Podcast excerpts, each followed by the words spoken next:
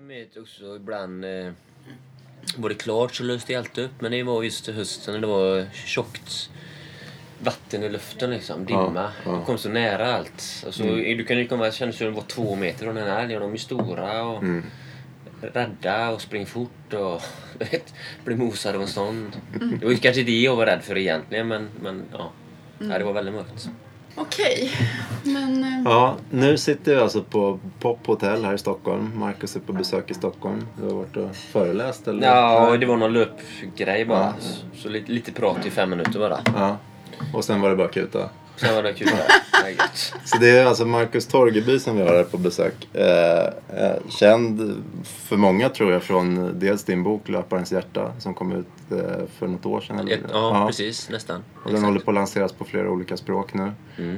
Eh, men också eh, tror jag för en del eh, inbitna löpare så är du känd liksom från ja, de kretsarna med, med dels en del löpcoachning och träning och, Mm. och även en intressant historia på det området. Men idag ska vi prata om, ja, vi kanske kommer tangera det ämnet också men eh, förhoppningen är att vi kommer prata lite mer om de, eh, de saker som du har stött på i livet och hur du har tacklat dem och, och eh, ja, vilka verktyg du har använt för att komma vidare från dels sorger och andra saker som, som, eh, som dels finns med i boken också. Och som är beskrivna på, på väldigt fint sätt tycker jag i alla fall. Ja, jag blir väldigt Ja, men gripen. roligt att höra. Verkligen, från hjärtat. thank you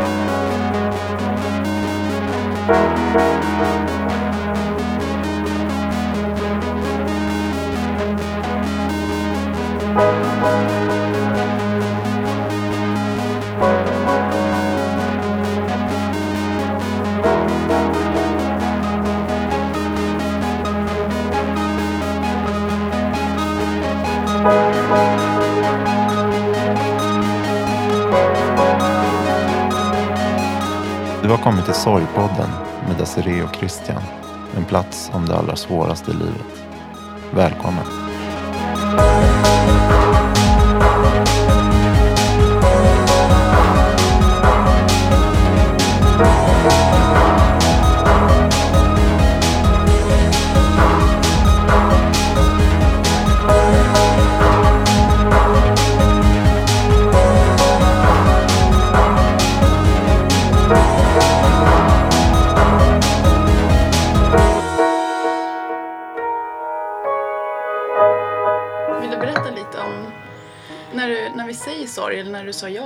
Med? Vad tänkte du på? Ja, men först så tänkte jag att det var ju väldigt fint namn på podden. Tack. Alltså faktiskt, det var ju så spot on tyckte jag.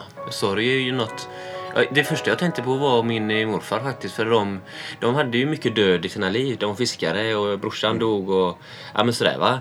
Och så tänkte jag, men vad, vad var det som gjorde att de kunde komma vidare så fort? Det var att de var så sjukt bra på att sörja fort bara. Och sen så...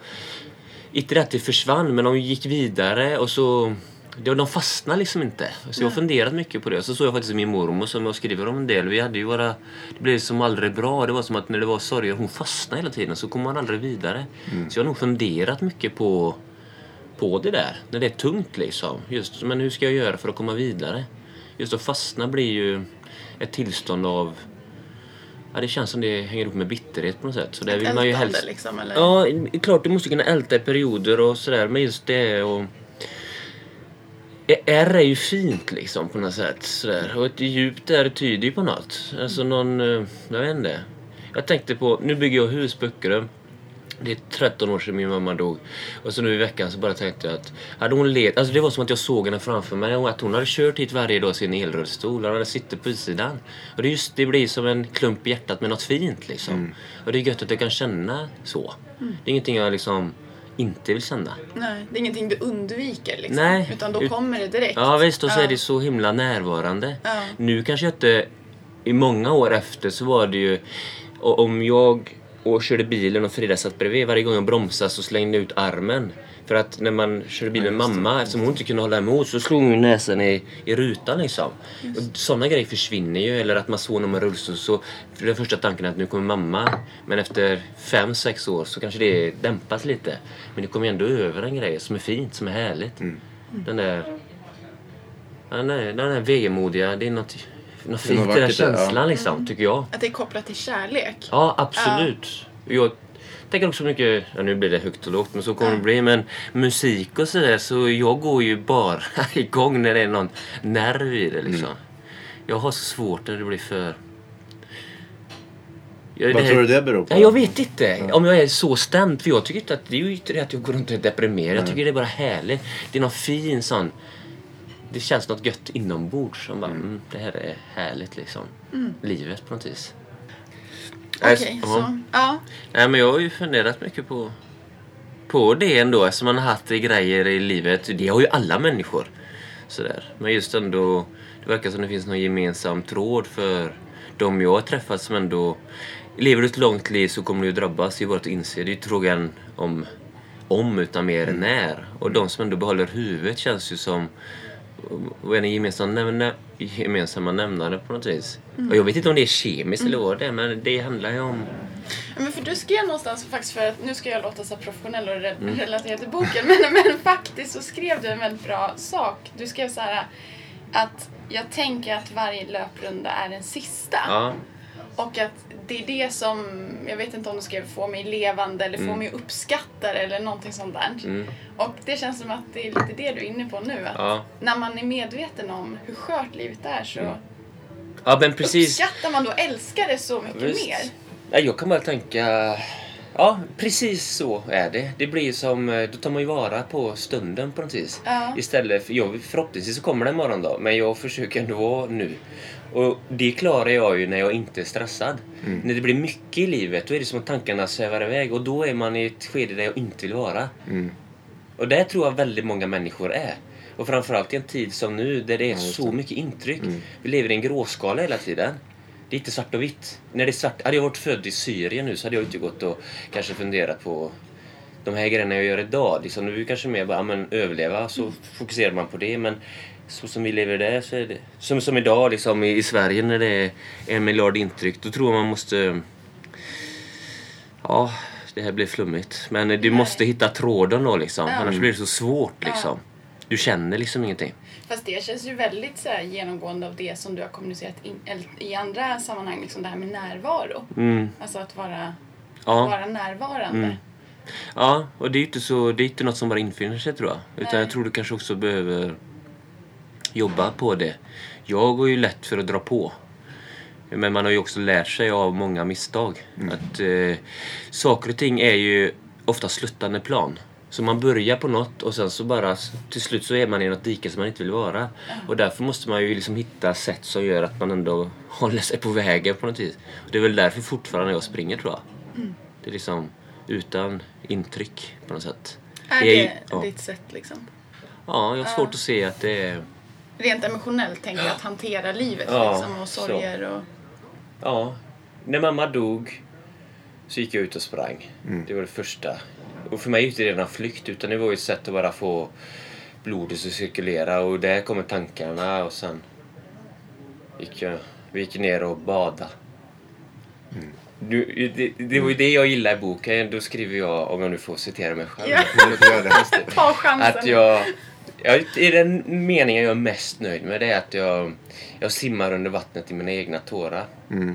Mm. Det, Ja, det men var är det, är första och otroligt det kände jag bara...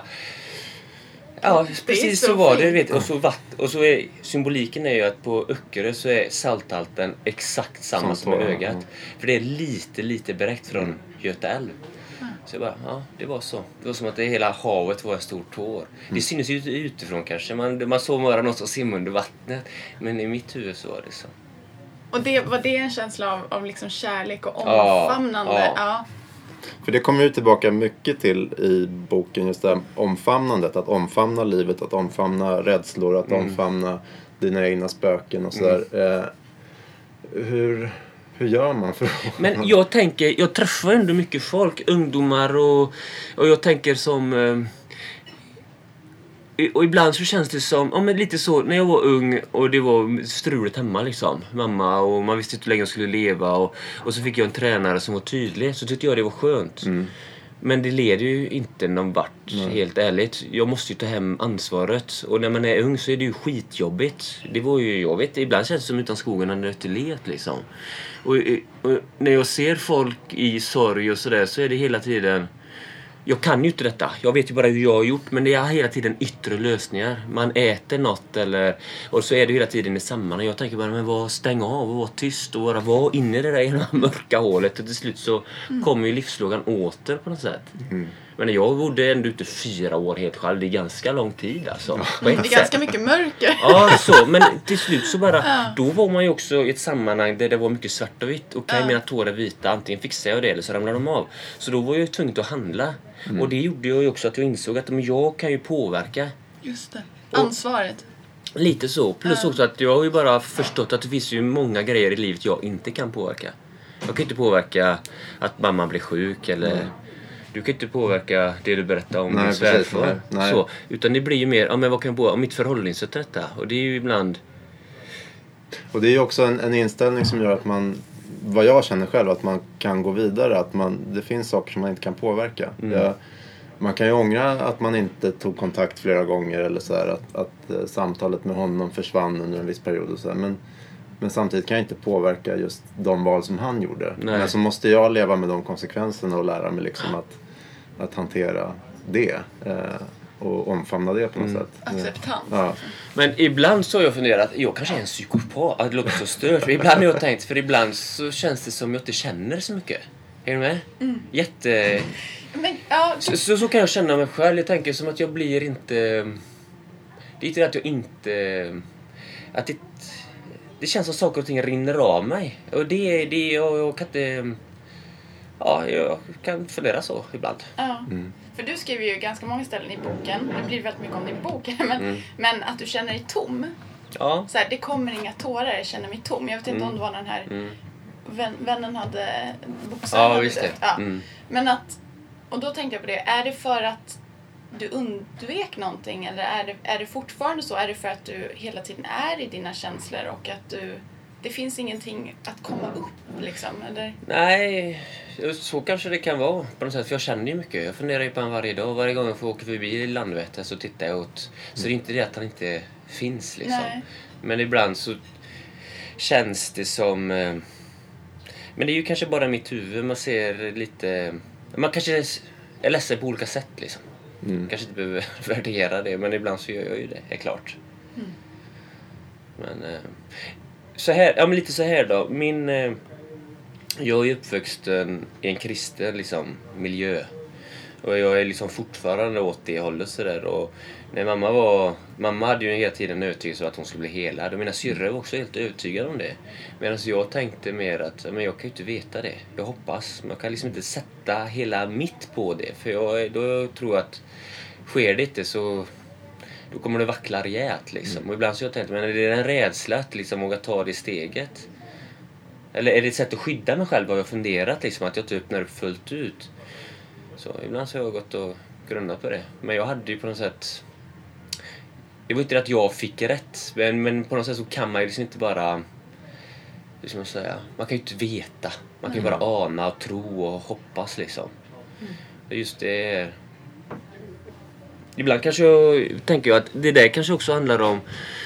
Jag brukar hela tiden mata mig med tankar att det, det, där, det där kan jag också göra. Jag kan förvandlas till vad som helst. En mördare eller en våldtäktsman. Eller, det låter ju stört men jag måste tänka så för då kan jag bemöta det om det är på gång. Liksom. Om jag skulle ha en inställning att det där skulle jag aldrig kunna göra. Då tänker jag att du är mycket närmare att göra det. Och så tycker jag faktiskt att många människor resonerar. Och när jag är uppväxt i den kyrkan som jag är med så var det som att ah, så där kan man inte göra. Så det skulle jag aldrig göra. Och det tänkte jag, men hur kan du inte säga så? Och nu efteråt så ser man ju att det är ofta de som ramlar dit liksom. Så jag tänker att man måste prata mer om det. Och säga att allting är... Man kan förvandlas till stort sett vad som helst med tillräckligt sluttande plan och grejer runt Under omkring. fel omständigheter. Ja, Ja. precis. Och då får man ju klart en förståelse för andra. Så. Jag träffade en sjukhuspräst en gång och han sa så här, det jag lärde mig av att jobba, nej sjukhuspräst, en fängelsepräst. Det jag lärde mig av att jobba i fängelserna var att under samma omständigheter hade jag gjort exakt samma sak. Ja. Och det var ju människor som hade gjort det absolut värsta man Mm. kan tänka sig. Men att han liksom kunde se ja, förklaringen på något sätt. Även om handlingarna såklart, Mm. Är helt de fördömde ja. han ju Mm, ja. såklart. Men att han kunde se människan bakom och hur det kan bli så. Ja, nej, det är ju inte helt... Ja, ja, det är ju... Men har det varit en, en på något sätt sorg för dig? Det här med att omgivningen inte alltid förstod dig? Nej, men på något sätt så... De som inte riktigt känt mig när de har läst boken så de varit så förvånande. Eller de har sagt men shit, har det här rört sig innan? Ja men så är det ju. Så är det ju för alla människor. Men jag har haft några riktigt fina som är fortfarande kvar. Alltså vänner. Sådär. Även om jag fattar att man måste göra sina resor så har jag ändå alltid haft... Morsan så länge hon levde var ju mäktig liksom. Och sen UG i Jämtland och har en kusin som har varit sådär. Som man bara känner att man kan ja, ändå prata med sådär. Även om det har varit långa perioder med bara mitt eget huvud liksom. Sådär. Så, Så du har, aldrig, du har ändå känt en förståelse? Liksom, ja, från- även om jag och farsan, vi gjorde det jättebra nu men det var hårt då så, så kunde jag ju, han, jag kände att han fattade liksom sådär ändå hur det var. Jag förstod varför han var som han var, att vi bråkade och slogs och det var hårt liksom. Jag menar han var ung och fyra barn och företag och så temperament och rastlös och du vet och så bara vara hemma och så ligger det handdukar blöta. Jag hade också varit arg liksom. Och sen pöjk som ger motstånd som är 17. Ja men du vet, det är klart det är inte lätt. Sådär. Och då, men på något sätt så är jag ändå alltid... Men ibland så hör jag folk när de också har läst någon ändå inne på boken. Ja men alltså din farsa och ni slogs och det var ju så hela tiden. Men så tänker jag att det är ju... Ja men det tog liksom inte. Jag fattar ju varför det var så. Och då tror jag att... Ibland så känns det som många tror att det ska vara djupare så, men jag tänker inte att det är det. Jag har inga problem med det. Vad är problemet? Vi bråkade, vi slogs. Ser du det som ett sätt att, att visa känslor inför varandra då? Eller? Ja, men för han så var det också ett sätt att bara inte gå sönder inombords. sådär. Jag tänkte, vi har ju en fysisk kropp. Jag sprang ju. Det var ju inte det att säga, men han var kan han hetsig liksom ett tag. Sådär, och det fattar jag ju. Och sen kan ju det gå över till andra liksom, misshandel. Nu säger jag inte att farsan skulle göra det på det sättet. Men jag, jag tänker att det är ju... Ibland när jag hör om sådana grejer så kan jag ändå förstå den vägen på något sätt. Utlopp så. Sen så är det vissa grejer som inte är bra. Jag, jag hittar ändå löpning. Det går inte runt och, funkar inte att gå runt och slå folk liksom. Sådär. Men, men det händer ju någonting i kroppen som, som blir någon tillfredsställelse. Ja, det blir så... Mm. Det händer kemiska grejer. Ja, så, så, så. Och det är, ju, det, är ju, det är ju fel liksom. Men, men ändå... Det går ju att sätta över det här fysiskt till att göra något annat som gör att de här... Du dämpas lite. Som inte behöver vara en flykt. Men avreagera? Ja, liksom. men typ. Att alltså, få utlopp? Ja, Ja. för ibland så tänker jag som så här att Ibland känns det som vissa grejer finare. Att vara pedagogisk, att prata. Men varför är det det? Att bli arg är ju också någonting. Att få ett utlopp för det och liksom att den som får det här utbrottet på sig får känna någonting. För, för, vissa så biter det mycket hårdare helt enkelt. En tydlighet. Så, det är inget fel. Men idag så känns det som allting ska vara det här, man ska prata. Men ibland så behövs det fysiskt och för en sån som jag så är ju det, det är så jag har hängt upp mitt liv. Det är då jag har fått det att funka för det blir svart och vitt för mig. Då kan jag känna, det här går. Och det är så många som är som jag, som jag träffar i skolan som bara gör något konkret. Alltså är det, det går att hänga upp eh, mentala spöken på fysiska grejer och när du hänger upp det på fysiska grejer så förstår de det. De kan känna det i sin kropp och sen är det lättare att komma tillbaka till det där som egentligen inte funkar. Lite så tänker jag. Så, så, och undermedvetet så har jag ju hela tiden gjort så. Skolan var knak. Jag går i fyran, retar killarna på högstadiet. Blir jagad. Vet att jag får stryk och de tar mig. Springer jättefort. Och det gör att jag är lugn sen. Mm, det händer någonting. Ja, och det kan man ju tänka, ja men då kanske jag skulle medicinera istället då. Jag vet inte om jag har ADHD eller det kanske jag har, men jag tänker att ja, men det, det, man hittar ju lösningar liksom. Sen så är det kanske många som hittar väldigt destruktiva lösningar. Så, men, Är du rädd för att om du inte hade hittat löpning att du skulle ha hittat någonting annat? Farligare? Ja, men så tänker jag, mina närmsta vänner, eh, så, de... Den ena bor i Kalifornien, är liksom Ganja-odlare liksom. Ja. Så, och droger det är ju en del av hans vardag, så det är det man kör. Både lätta och tunga sådär. Och mina andra kompisar bor också utomlands. Och, och jag har ju aldrig någonsin varit inne i det. Och jag vet inte om det är ren självbevarelsedrift. För jag vet att jag har förmåga att överdriva. Eller så, men jag, jag har aldrig varit intresserad. Jag har aldrig känt det där kompistrycket. Jag tror att du har nämnt det någon gång också att du känner att du har lite av en missbrukarmentalitet i Ja, men på något sätt så det. tänker Ja. jag det. Men när jag ser tillbaka om mitt liv så ser jag när jag har varit inne i ätstörningar eller mina mönster så har jag alltid kunnat bryta den då. Och jag har gjort det själv. Och när jag har klarat av att bryta då har jag varit i skogen i kyla och mörker. Det är ju där liksom det kommer. Det är det som är min liksom, mission i, i, i livet tror jag. Jag vill att folk ska börja vila, sova i, i kyla. För det är någonting som, när du får känna det så är det, när det är kaos över så kylan ansiktet gör att det, det lugnar sig i huvudet. Och när det lugnar sig i huvudet så är det lättare att ta beslut. Lite så har jag ju liksom känt. Så. Men du har aldrig känt liksom rädsla för att det skulle bli för mycket? Eller så här, du har aldrig känt så här, shit vad kommer jag aldrig komma härifrån? Eller liksom, du har aldrig ifrågasatt din känsla? Där du har känt att det här behöver jag göra för att det bara är så? Det känns som att du verkligen inte har värderat det. Nej men det har jag nog inte... Ja visst, ja men så är det nog ändå. Jag är dålig på mycket men vissa grejer är jag bra på. Det, just att när jag känner då vågar jag följa det utan att liksom grunna så mycket. Jag bara litar på att eh, kroppen är ju sensorisk på något sätt. Så när man blir... När du är i en miljö där du kan öppna upp, alltså utan intryck. Då öppnar ju jag upp. Jag kommer ju fram och, och då, då blir det bra. Mm. Det är mycket svårare när det är massiva intryck och liksom känna det och höra bara. För det är så mycket. Så, här, så, så, att då, när jag har känt och jag bara kört och så inte det egentligen ångrat det där. Jag har aldrig varit rädd för att bara, "Ah, men nu gör vi det där. Det var inget stort steg att flytta ut i skogen till exempel. Det var ju bara...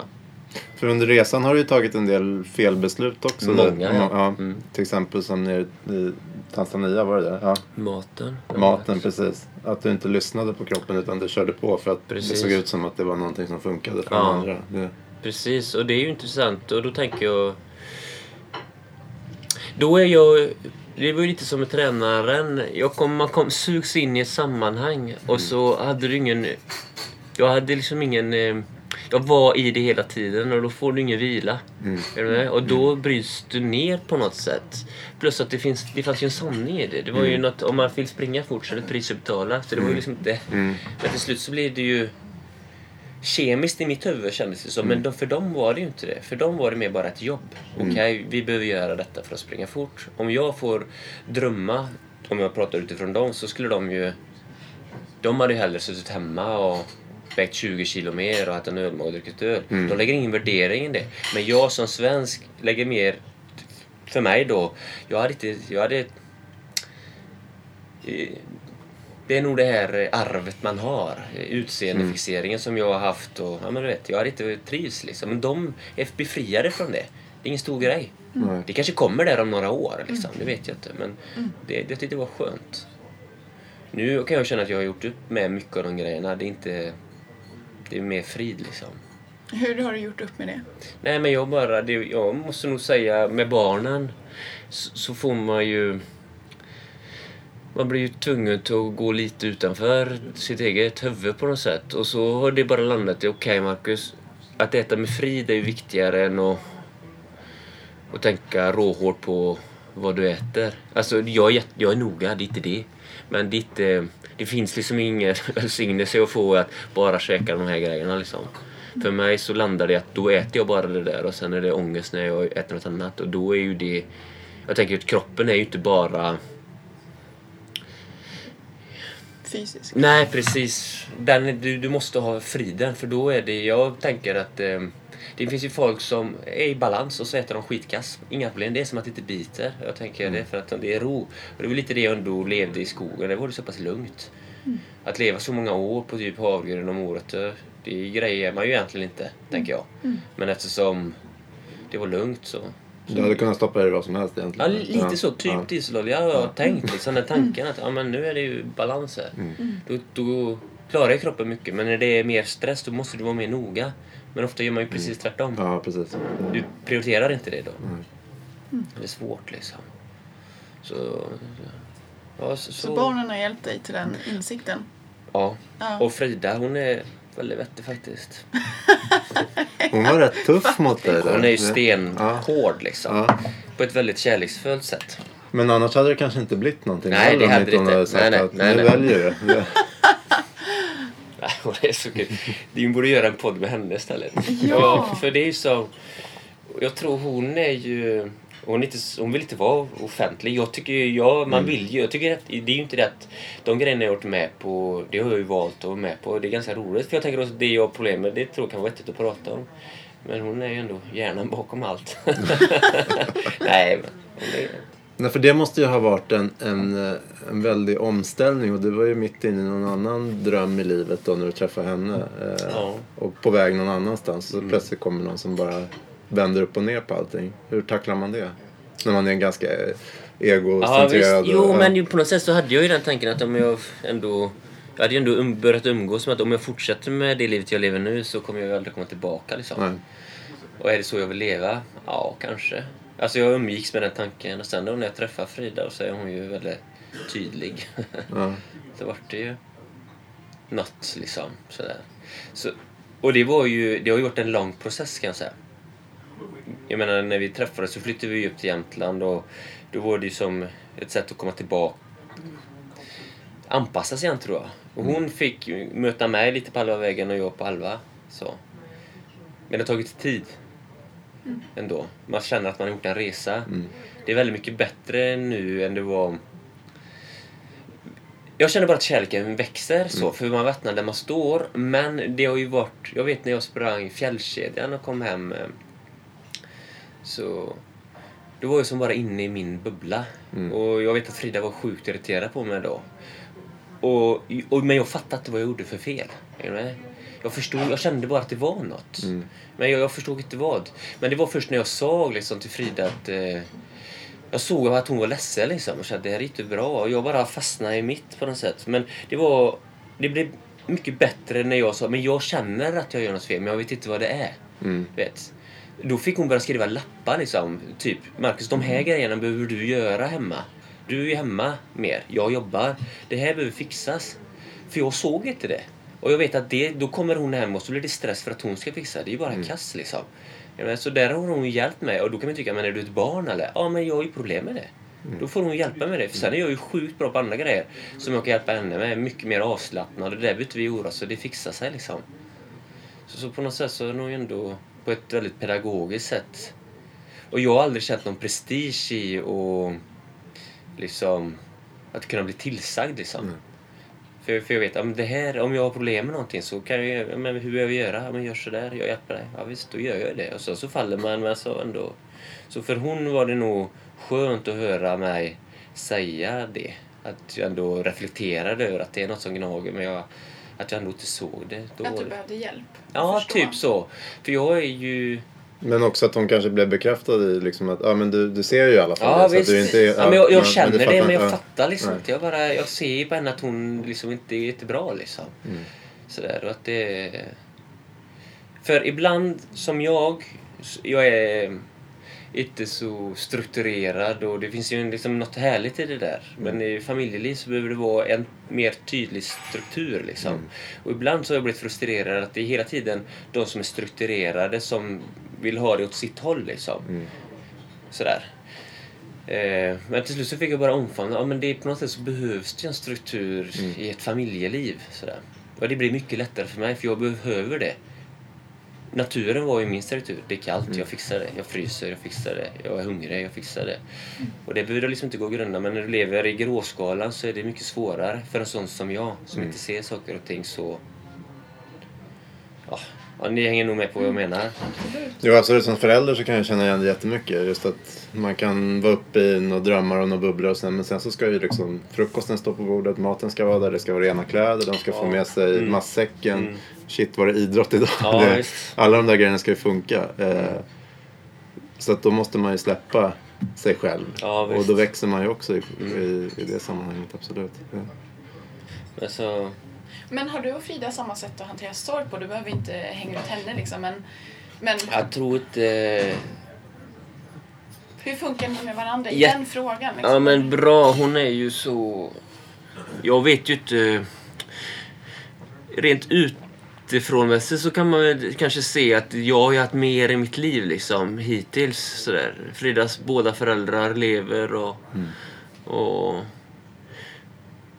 men jag tror att hon, hon, är, hon är så hon har en sån fantastisk farmor liksom. Sådär, som det känns som hon och Anna bara... Karin hon är väl 95 kanske, bor i sin egen lägenhet och fixar sin egen mat. Och hennes man gick ju, dog. Och hennes syrra som var hennes, dog. Och, och sen så... Men hon lever och det är härligt. Man, sådär, jag ser att... Eh, ska man säga? Ja, det är något fint att se det där. Alla hennes kamrater försvinner. Mm. Men så hon fortsätter ändå och... Ja, men hon, hon, hon liksom fortsätter livet, går upp och läser en dikt och Mm. gör sin kaffekopp och sådär. Hon har en mening. Ja, ändå liksom. Ja. Hon tror ju på ett liv efter detta och på något sätt så finns det ju en välsignelse där. Mm. Så, jag är glad att jag också kan känna så. Jag har liksom valt att tro på det. Mm. Sen så har jag inte svar på något annat. Men jag tänker ändå, det känns ju konstigt att man finns till och helt plötsligt finns man i någon form. Alltså lite så kan jag, även om jag finns, vet att det finns massa liksom, argument, men jag, jag bara, jag bryr mig inte om det. Nej, För mig är inte det viktigt. nej, Jag tycker inte att jag går runt med känslan av att jag är lurad. nej. Ja, men jag tänker han C.S. Lewis skrev ju någon gång. Men om det bara visar sig att allt är fake så är det ändå inte bortkastat. nej. Nej. Det är ju liksom ändå... Och på något sätt så kan man ju... Man kan ju... Och det kan ju bli dåligt också menar jag. Men man kan ju börja, man kan ju faktiskt eh, lära sig att tro på något. Det är något, det är någon, det är, något skönt liksom. Men jag tolkar det som att du inte köpte hela paketet i alla fall i den, den kyrkan som Nej, nej, dina föräldrar... absolut inte. Nej. Det var ju crazy liksom. Ja. På riktigt. Och så förstår jag ju den resan som Öckerö gjorde. De hade hållit på att supa ihjäl sig. På riktigt. Och sen så kommer Levi Petrus, pingströrelsen, Spola kröken, nykterhetsrörelsen. Och så blir det ordning och reda på i hela Sverige. Och det här kan jag tycka är så störande för folk fattar ju inte detta. Hur du, jag menar, att kolla på historieätarna, då förstår man hur mycket det söps. Ja. Levi Petrus och nykterhetsrörelsen, det var ju fantastiskt. Men sen så ramlade det över andra diket. Det blev syndakatalog, knut i nacken och stenhård. Egentligen samma grej, men kanske ändå bättre liksom. Det är ju bättre än att supa. Mm. Så. Men så jag var ju väl ändå uppväxt i liksom kölvattnet där. Och då var det ju tydliga svar. Okej, spelar du hockey så kommer du till helvetet på söndag. Eller så är du här. Och det är ju inte så. Men det finns ju något dömande i det där som du inte attraheras av. Nej, och då tänker jag den ortodoxa kyrkan som är mycket mer bara... Den är ju mer eh, som på ett sätt eh, flummig liksom. Men, och det funkar ju liksom. Man tar en värld i taget liksom, helt enkelt. Mm. För liksom i frikyrkan och pingst och där, där är det så mycket prat om bara det heliga landet på något vis. Men Jag menar, det är ju att inte vara i nuet. Så, du får ju vara här liksom. Göra det så bra som Jag tänker på den episoden där när du kom med mamma till kyrkan och ni inte fick sitta för att ni satt och störde Mm, den energierna. Ja, precis. Det, Det är ju helt stört. Det är Ulf Ekman, på riktigt. Hänger ut han och jag, jag kan fortfarande tycka, nu har han ju gått ut i katolicismen och så skulle han göra avbön när jag såg på något program eh, hon eh, Min sanning tror jag. Och så tycker jag, men han är ju inte där. nej. Och de upprepas hela tiden. Man skickar upp unga predikanter som är karismatiska, har talets gåva och så bara kör de. Och sen så när de blir äldre så lugnar de ner sig lite och så går de vidare till någon annan så kommer det en ny ung. Så är det hela tiden i pingst, har varit. Och jag tror den ortodoxa kyrkan, där får man inte predika innan man är 33. nej. Det finns ju en tanke med balans, det. Att du har kanske gjort dem... ehm, Ja men det är ju bara att inse, man är hetsigare när man är yngre och då kanske du inte ska stå framför folk. Du kanske ska bara landa lite först. Och lite så tror jag, där har de något att jobba med. Liksom sätta upp vissa sådana kriterier för sig. Det är samma som om man pratar om makt och sådär. Så, jag menar, de har ju sina problem med ortodoxa kyrkan men om de ska utse en ny biskop till exempel så då tar de ju en munk som bor 500 mil därifrån som absolut inte vill bli biskop. Han att har ett annat driv. Och det är därför jag tror att man måste komma från olika håll liksom. Jag har bara sett som Frida, hon gör färgerna till Volvobilarna. Bil, hon är inte intresserad av bil. Nej. Men det blev väldigt bra eftersom hon kommer från ett helt annat håll och ser det med sina ögon. Det handlar ju om det, det är då det blir bra. Man tar med sig en ju- annan historia, en annan Ja men passion in i precis, det. man- riva murar istället för att bygga dem på något sätt. Och sen är ju inte det alltid så lätt för det är liksom hela tiden det smyger in rädslor och man vill inte, ja. Vad har du för rädslor idag? Åh, för, ibland så, så är jag nog inte...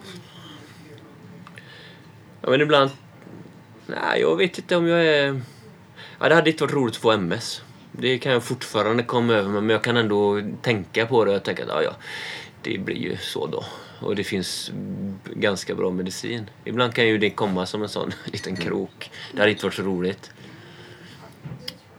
Ibland funderar man på barnöje, är klart. Men det är ingenting som jag känner att jag blir paralyserad av.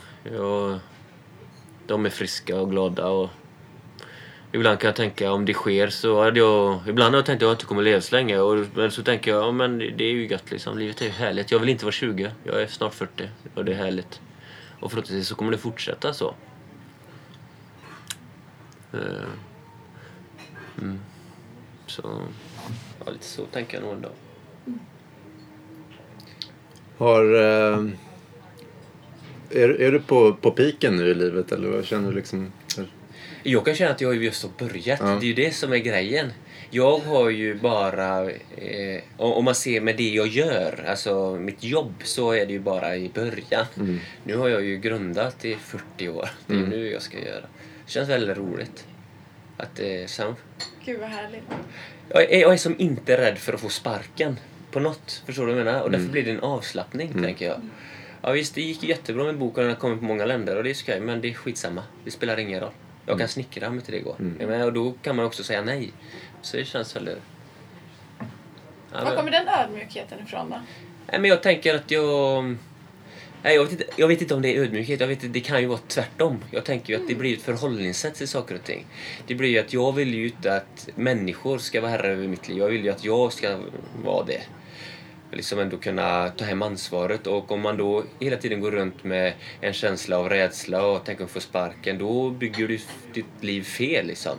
Vi hade en aktiv tanke om att om jag eller Frida dör så ska den andra klara sig liksom. Ganska lugnt.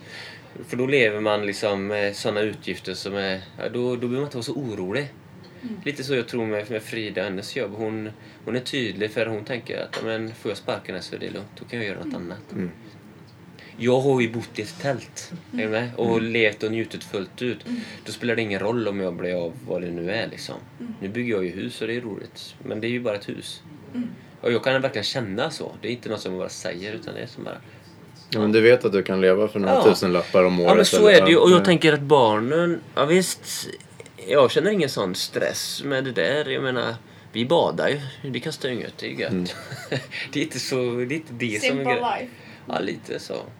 Just. Ibland är jag bra och farsa ibland är dålig. Men det jag är bra på det är ändå att men nu går vi ut och så bara... Att allting är utanför dörren bara. Det är inte så långt bort. Äventyret finns där hela Ja, lite så. Det är Ja. bara, nu går vi ner till här och simmar under vattnet ungefär. Det är inte så stor grej. Vi har ju alltid försökt att... Jämtland och Öckerö skiljer sig åt för egentligen har vi jobbat väldigt lite. Vi har inte Mm. behövt och så. Men nu när vi är på Öckerö så jobbar ju Frida och jag bygger hus och då Mm. blir det lite orättvist mot barnen. Men det är ju snart klart och då Mm. finns ju den här tiden liksom. Det är gött. Hur mycket är ni i Jämtland då? Är det... Ja, nu så... Förra sommaren så hade vi varit där ett och ett halvt år. Mm. Så vår yngsta föddes där. Mm. Så nu har vi varit på Öckerö i det åtta månader då eller? Mm. Eh, Så nu kommer vi vara på Öckerö några år. Sen Mm. så är vi tillbaka. Så Hur det känns det att komma tillbaka dit då? Ja men det känns bra nu. Ja. Det var, jag behövde många år borta. Mm. Man är sitt eget lilla gäng nu liksom. Öckerö är fantastiskt. Men eh, det är bra att vara borta. Lite så här är inställning på öarna. Okej, han är lite klen så han får läsa vidare. Så, så tänker folk. Och det är ju härligt. Man bara skiter väl i det där liksom. Ja men han bara, ja men han kunde inte jobba så han fick bli arkitekt ungefär. Mm. Medan i många andra områden som jag jobbar, då är det, där är titlar viktigt. Mm. Men det bryr man sig inte om där på det sättet. Så det finns en frihet i det. Sen så kan det ibland bli lite smalt. Öckerö och Fotö, det är världens bästa ställe. Man vill aldrig lämna det.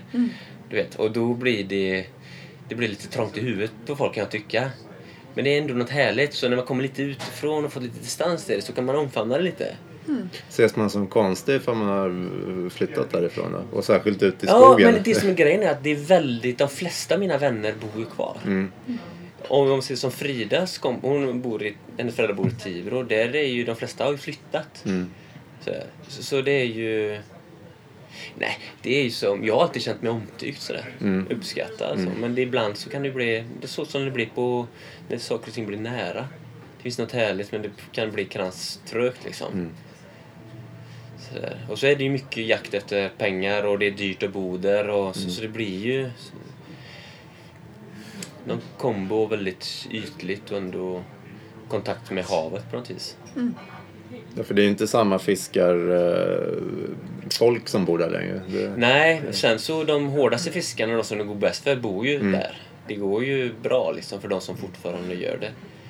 Sådär. Men eh, mentaliteten är nog fortfarande lite kvar så. Mm. Men många jobbar ju på Volvo. Men många har ju fortfarande det där...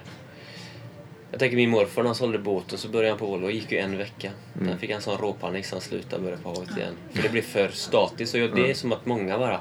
Det är därför det finns sjukt många egna företagare. Mm. Man vill liksom vara, bestämma själv. Fri. Ja, bara ja, men snickare och vad det nu är. Så, så, Ja, det är en balans tänker jag mellan frihet och trygghet. ja, precis. Så är det. Och jag har nog...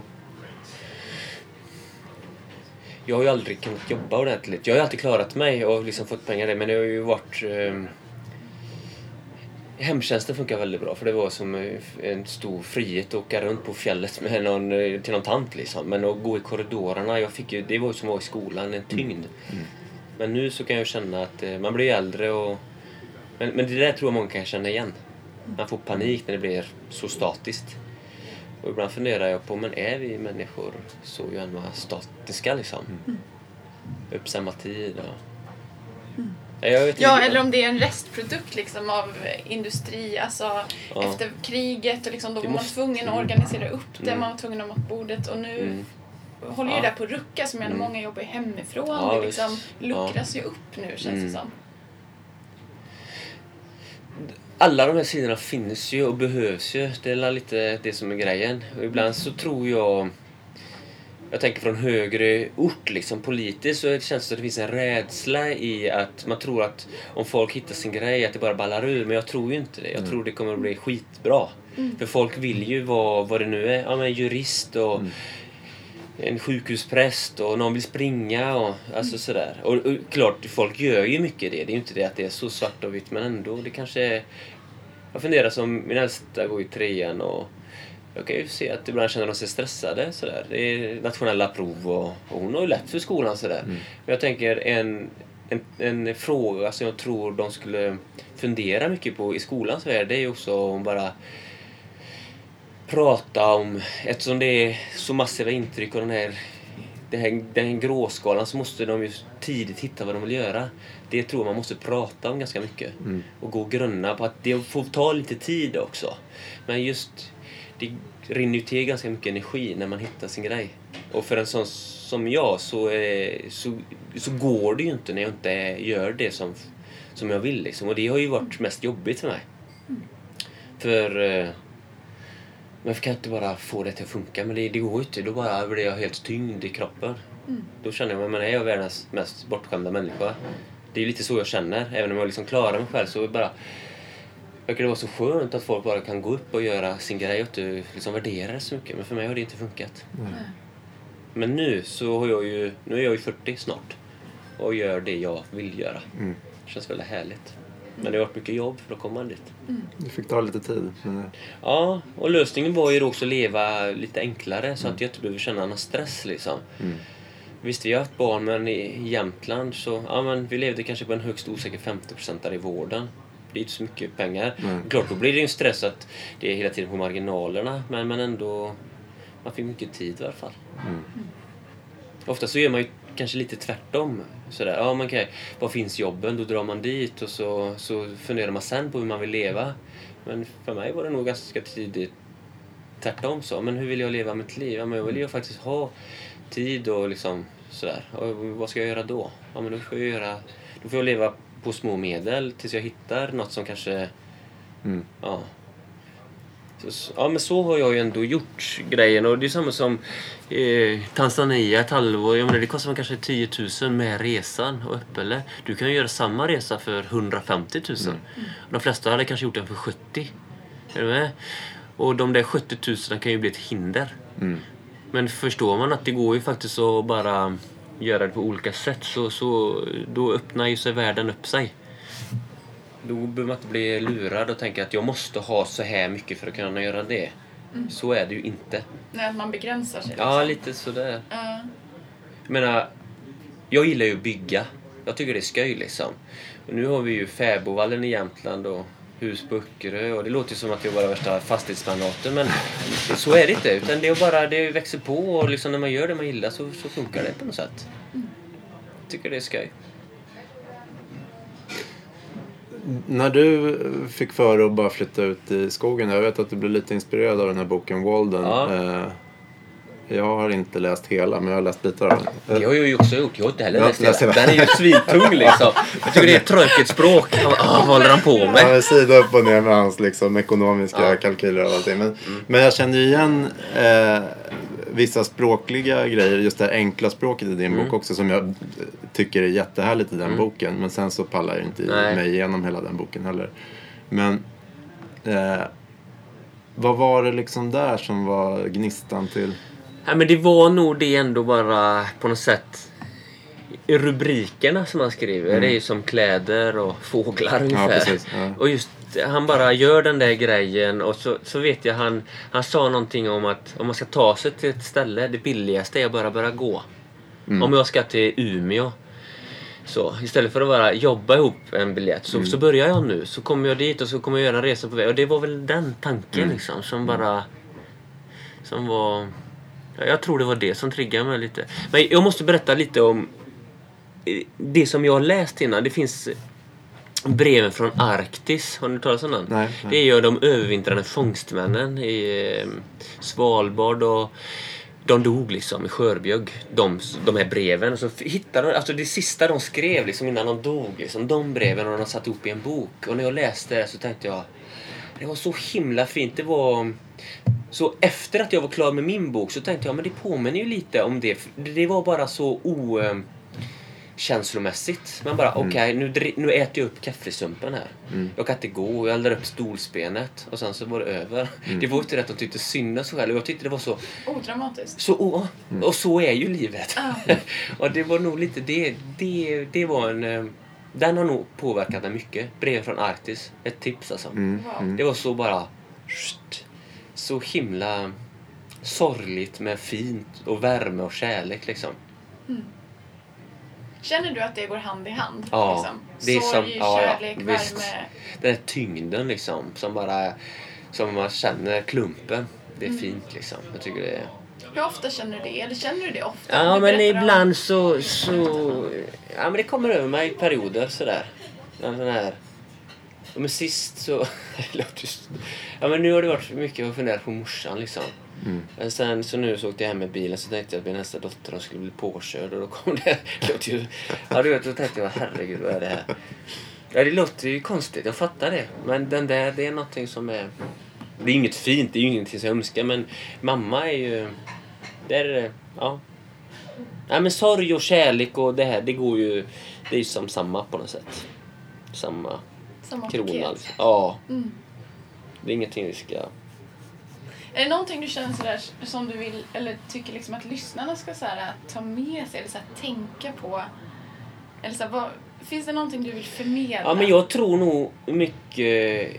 Eh, målet med livet borde ju ändå vara att man ska bli den man, där man tänkt att vara. Och hur, hur gör man det då? Jag tror det handlar ju om att avstå lite. Och liksom komma fram. Och, och, och då blir det ju... Vi bor ju i Sverige. Det, att omfamna det lite. Stänga av lite. Och det är jättesvårt när det är mycket grejer runt omkring. Men det där skulle jag nog ändå vilja skicka med sådär. Men att avstanna lite och komma fram, alltså att man kommer fram genom att stänga av. Ja precis, Eller- för ja. saker och ting kommer ju också bli tydligare då. Just det. Nyanser i, i maten blir tydligare när du är lite hungrig och allting blir... och Om du är lite förvirrad så är det sättet tror jag. Att dra på mer är inte lösningen. Eh, så. Ibland kan man ju inte heller... Nu pratar jag inte om heller att eh, man ska bromsa sig ur problem, det är inte det jag säger. Men, men ibland om man, man med riktningar i huvudet och vägar att gå så, där, så, så tänker jag ändå att det finns någonting i att liksom vara i det där svarta hålet lite. Att inte vara rädd för det. Nej. Och ibland så... Nu förstod jag ju att du jobbar med det du gör. så. Men ibland så funderar jag på just eh, samtal. Det är ju det är ju grymt. Men, men det finns ju också ett samtal med sig själv. Liksom. Mm, mm. Och vara i, i det ett tag. Och det är jobbigt, men det, då kan jag säga att det är inte farligt. Jag har varit där jättemycket. Det är ruggigt stressande, nervöst och ibland är det bara råsorgligt, men det händer ju något. Och ibland känns det som lösningen på allt det här handlar om dopamin och serotonin. Men ibland tänker man, är det så? Det kanske bara räcker att gå ut och bara gå och jogga lite, få igång cirkulationen och bara sitta där och vara ledsen och mörk i sinnet. Och... Ja, jag vet inte. Så... Men det, det sker ju inte på en dag. Det är det som är grejen. Två månader i det där tror jag hade varit nyttigt. Jag tänker så här, ibland är jag intresserad av att, att göra ett projekt. Jag, det är bara i mitt huvud. Men politiker har ju ett jätteviktigt jobb. Tänk om de hade kunnat få vara i mörker, kyla och tystnad en vecka per år. Hänger du med? Und- Undrar vad som hade hänt liksom. Hade det blivit... Eh, jag tror de hade kunnat ta andra beslut då. Tänka på ett lite... För, för så här ibland funderar jag. Det var någon som sa att Carl Bildt han sover bara fyra timmar per dag. Som att det är något bra. Så tänker jag, men herregud. Just det, det är någonting man beundrar. Ja, och då ja. tänker jag, men det är precis. Och så är han med och styr. Det är ju helt sjukt. Vad tar han för beslut? Det måste ju vara så kass uteklokt. Det hade ju varit bättre. Ja, men han sover 12 timmar om dagen. Då hade jag känt, ja men då, då är det lugn bara. Han andas med magen och är avslappnad liksom. Så, så det skulle jag vilja... Nej men vad i det där på något sätt. Shit, vad flummigt. Nej, men jag tror att jag, älskar det. är en jättepoäng. För att som man ser nu i skolan idag, jag tänker på de som, alltså, man skriver diagnoser på barn och så där, Ja. bokstavsdiagnoser och allt möjligt. Och så är man i en miljö där det är massa intryck. Och inte bara i skolan, utan, men när du kommer dit så är det eh, Ja, ja. hur mycket som helst. Jag har dels varit lärarvikarie själv när jag pluggade och Mm. sen nu eh, tittar jag mycket på den här idrottsläraren. Ja, veteran Ja. Zackari. Ja, Ja. Kalle Zackari. Eh, och när man på något sätt ser där då att de här barnen som inte deltar i gympalektionerna eh, gör det av en massa anledningar som liksom, de finner inte ro i det. De kan Nej. inte ta en instruktion och så här, Men när man bygger upp det kring att så här, lugn, stanna i det här, pyssla med det här, du får en uppgift att lösa. Mm, mm. Då händer det grejer. Ja, ja. Det, och de, de landar. Mm. Ibland så tänker jag som så här med barn. Eh, och jag tänker ibland som också på mig själv när jag var yngre. Att det finns en... Eh, det, jag tycker att mina föräldrar var väldigt bra i sig. Men det finns en oro för sina barn är klart. Man vill dem så väl. Men de flesta barn vill ju också sig själv väl. Så, så vågar man bara vara där så kommer de att hitta det. Och när de hittar riktningen, det är då det händer. Och det är lite det liksom på något sätt. Det blir så jävla oroligt liksom. Jo men det är telefoner och paddor och datorer och det är vänner runt om och i skolmiljön där det bara är liksom ljud Hela tiden. konstant. Alltså, det, Signe, min äldsta, hon och alla, alla, alla tre de är fysiska liksom, som alla barn är. Men ibland så känns det som att eh, vad gör ni på gympan då? Ja men vi bara står. Signe har ju fick inte sprungit 10 kilometer. Hon vill ju bli trött liksom. Hon Ja. tycker det är gött liksom. Och det tror jag att det är så för de flesta. Jag kan ibland känna att en sån som jag är en gammal grottmänniska. Att de grejerna jag är bra på inte är viktigt. Det är inte prioriterat. Att vara fysiskt, att, att ha det här. Alltså förstår du? Det känns som allt det andra bara trycks på. Men på något sätt så är vi ju fysiska. Och det kommer bara fort... Alltså det var att inse och omfamna att det där är viktigt liksom. Men hur hittar man balansen i det då? Mellan att vara liksom i lugnet och i tystnaden och i det fysiska. Jag tänker det kan ju också användas och bli extremt. Alltså man, som Jo, du men sa då- förut, du bara jag springer för att vara närvarande, inte för att fly. Eller Ja, mm. Att det är ju verkligen intressant. Alltså hur man... Jo, men då tänker jag som så här. Jag har ju haft ambitioner att bli så bra som möjligt ibland i löpning. Så. Men det går ju att kombinera. Distansträning är ju lugn träning som bygger kapillärer, blodkärl. Då har jag ju lärt mig att jag springer aldrig med musik eller då har jag ingen klocka med. Då bara ute och bygger. Bara. Och sen så någon gång i veckan så kör jag på. Då kan jag springa med klocka och vinna det där. Inga problem. Det handlar ju om kontrasterna. Men att vara i någonting hela tiden. Du ska prestera varje dag på träningen. Sen så har du ett högpresterande jobb. mm. Det blir ju fel. Jag var och pratade för några eh, advokater i Göteborg och så var det någon som bara ja ah, men jag har ju den där timmen över så vill man ju bara köra skiten ut så att det ger något. Ja, men du, du ser ju ganska trött ut här. Det kanske är precis tvärtom. Ibland får man bara ställa sig frågan men hur ser liksom hjulet ut? Är det mycket där så får det ju vara mindre där. Och ibland så känns det som att det ska bara pressas in mer. Att lyssna inåt då, precis som du sa förut. Ja, och så låter det så gärna flummigt men på något sätt så är det ju... Man måste ju också ställa sig frågan om vi ser runt omkring oss, är folk, går folk runt och är nöjda? Är det så? Ja, Är det ja på det, ja men då är det bara att fortsätta. Är det inte så, då får man ju ändra något. Är du med? Och att ändra någonting kanske inte handlar om att göra någonting mer. Nej. Att man skalar ner istället. Ja, lite så. Och det här blir ju som en... Jag tror att det här är... Vi är i en ruggig utmaning nu. Mm. Tror jag. Vi måste lära oss att konsumera tjänster med, för det är liksom framtiden. Sen så måste vi lära oss att avstå för att njuta mer. Ja, men för ibland så tänker jag ju så här, jag menar... Om man ser rent eh, samhällsekonomiskt så hade det bästa varit att jag hade jobbat järnet och fått en hjärtinfarkt typ nu utan att någonsin ligga på sjukhus och så är det nästa gubbe. Men det är inte så jag vill leva mitt Nej. liv. Bara jobba järnet och sen så bara massa skattepengar in och sen så bara pang dörr. Mm, Nästa. Men på något sätt så är ju livet, det är ju något helt annat liksom.